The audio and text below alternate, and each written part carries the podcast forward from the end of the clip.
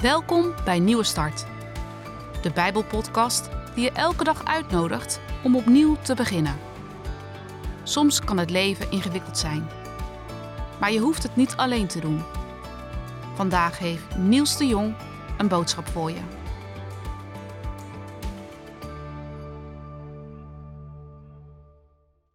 Iedere keer weer zie je het bij verkiezingen. De verwachting dat die ene politicus het land uit de problemen zal halen. Sommige politici presenteren zichzelf ook zo. Als zij nou maar de macht zouden hebben, zou alles anders worden. Het loopt altijd uit op een teleurstelling, want geen enkele leider, hoe capabel en goed ook, kan alles oplossen. De realiteit is daar veel te weerbarstig voor, de problemen te complex. Die kunnen niet met wat stevige staal en een paar stevige ingrepen ineens allemaal opgelost worden. Die verwachting was er ook bij de Israëlieten in het boek Numeri. Bij ieder probleem verwachten ze dat hun leider Mozes het wel zou oplossen. Maar Mozes was beperkt. En om een volledige burn-out te voorkomen had hij al wel geleerd om te delegeren. Maar bij echte grote problemen werd er al heel snel weer naar Mozes gekeken. En was men boos als bleek dat Mozes het ook niet meer wist, of niet thuis gaf, of niets bleek te kunnen doen. En dan reageerden de Israëlieten zoals ze in nummer 11 reageerden. En ze maakten Mozes verwijten. Hele samenlevingen kunnen in deze val trappen, waarin alles verwacht wordt van die ene man of vrouw, die alles maar moet oplossen. Je kunt ook zelf in die val trappen. Dat je alles verwacht van die ene persoon. Je vader, je moeder, je kind, je partner, die vriend. Dat die je moet redden. Je behoeften vervullen, je veiligheid bieden, en dat loopt altijd uit op een teleurstelling. Want je zet iemand op een plek die hem of haar niet toekomt. Want mensen, zelfs de beste, hebben zo hun beperkingen.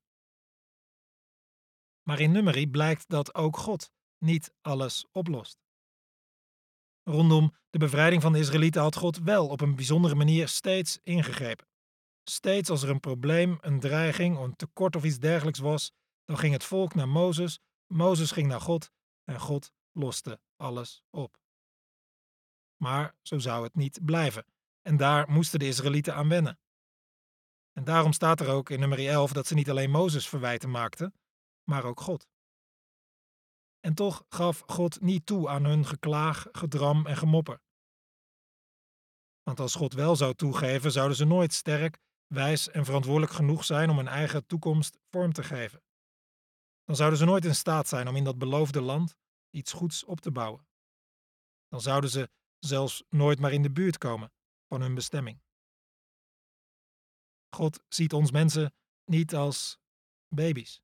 Hij neemt ons daar veel te serieus voor en daarom zal hij ons niet pamperen. Daarom zal hij ons niet al onze behoeften direct vervullen of alle hobbels in het leven wegeffenen als een of andere curling-ouder. We weten ergens allemaal ook wel dat als je kinderen direct geeft waar ze om vraagt, dat het dan uiteindelijk vreselijke mensen zullen worden. En dus geeft God ook zeker niet altijd aan ons gedram en gezeur toe. Dat hadden die Israëlieten te leren en dat hebben wij te leren.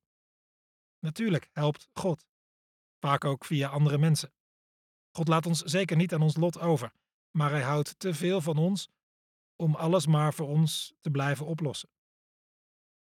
Ik denk dat deze vuistregel vaak waar is. Als je net tot geloof komt, lost God soms verrassend veel voor je op. Maar als je al lang gelovig bent, lost God vaak verrassend weinig voor je op. Die regel zie je ook bij het volk Israël, net bevrijd uit Egypte, het ene wonder na het andere. Dat maakt hen trouwens niet gelijk heel gelovig of vol vertrouwen, en al helemaal niet wijs of verantwoordelijk. Integendeel. En daarom dat God langzaamaan hen wil leren om zelf wijs en verantwoordelijk te leven. Om geduld te leren. Weerbaar te worden. Vertrouwen te houden. En God lost gaandeweg minder op. God lost gaandeweg minder snel dingen op. Dat vonden ze moeilijk en ze struikelden vaak, zoals in nummer 11. En het duurde bij hen heel lang voordat het vertrouwen in God groeide. Voordat ze groeiden in verantwoordelijkheid. En waarschijnlijk duurt het bij ons ook lang.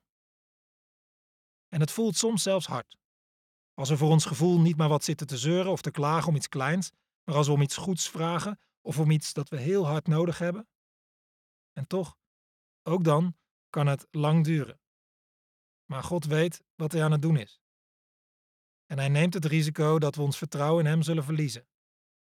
Maar hij hoopt erop dat we het geloof zullen vasthouden, zodat hij ons kan bijschaven tot sterke mensen, die iets kunnen dragen, die ergens zullen uitkomen, die goed zullen uitkomen. Herken je dat?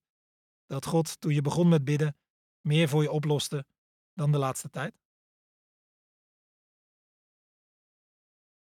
God, ik wil u vertrouwen dat u weet wat u aan het doen bent, ook met mij. Maar soms is dat moeilijk. Kom mij dan tegemoet. Ik geloof, maar kom mijn ongeloof te hulp. Amen.